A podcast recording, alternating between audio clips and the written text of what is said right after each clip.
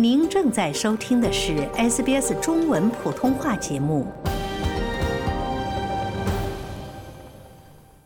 新州政府二月十五日发布的一份讨论文件显示，州政府尝试解决该州住房危机的提议之一是将短期租赁和度假屋转为长期租赁住宅。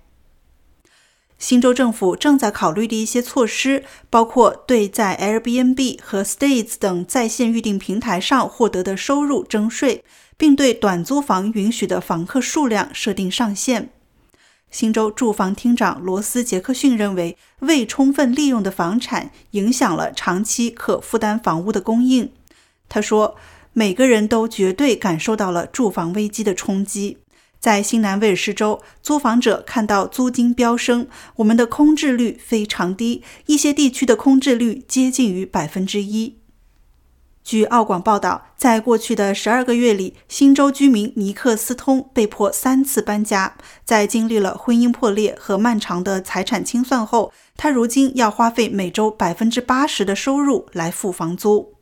他说：“生活成本危机加上租房短缺是一场腥风血雨，使得那些手头没有太多资产的人们感到非常困难。”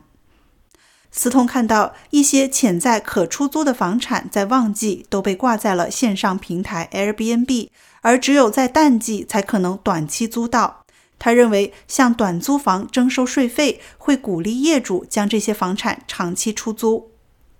二零二一年，新南威尔士州政府在大悉尼地区和其他部分地区推出了短租住宿登记计划、行为准则和一百八十万的上限，但并未提出征税计划。而在二零二三年，维多利亚州宣布将从二零二五年一月开始对短租在线预订平台的房客征收百分之七点五的短期住宿税，这也是澳大利亚首次提出此类税收。对于政府的种种决策，States 表示，政府应避免增加租赁天数的上限、限制客人数量和每日费用。States 高级总监艾哈姆·库里表示，这些方法都无法解决当前的住房问题。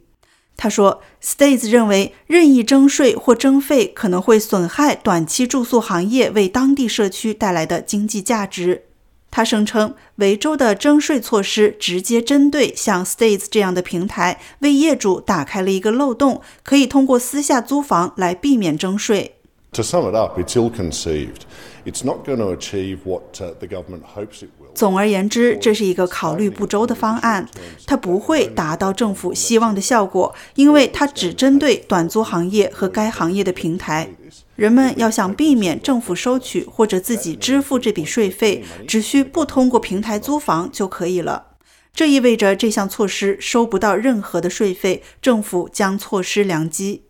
另一平台 Airbnb 则表示，并不反对征收税费，但维州拟征收的百分之七点五税率太高了。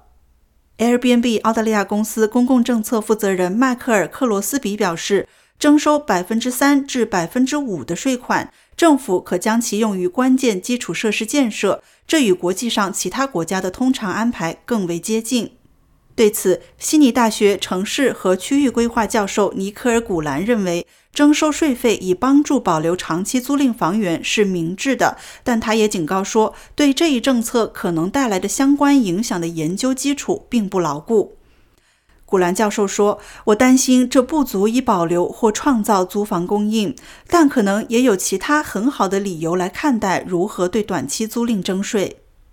而本地短租平台 B&B Made Easy 的创始人蒂姆·莫蒂莫认为，新州政府的相关改革对该州一些地区长期租赁市场的影响将非常有限，因为部分短租房产根本不适合长期市场。租住这些房产的房客当中，游客仅占一小部分，而房客包括癌症患者的家人、照顾人，或是非进非出 （fly in, fly out） 工作者。他表示，这些房子通常在节假日或周末期间出租，而其他时间业主们会长期住在里面。他说，业主们一直住在里面，或者这些房子配备了全套家具，又或者他们是无法长期出租的数百万澳元的豪宅。而非进非出工作者想要一个家，他们不想要酒店房间。据悉，新州政府将在接下来的四周内征求社区对讨论文件的反馈意见。喜欢分享评论。欢迎您在 facebook 上关注 sbs 普通话页面。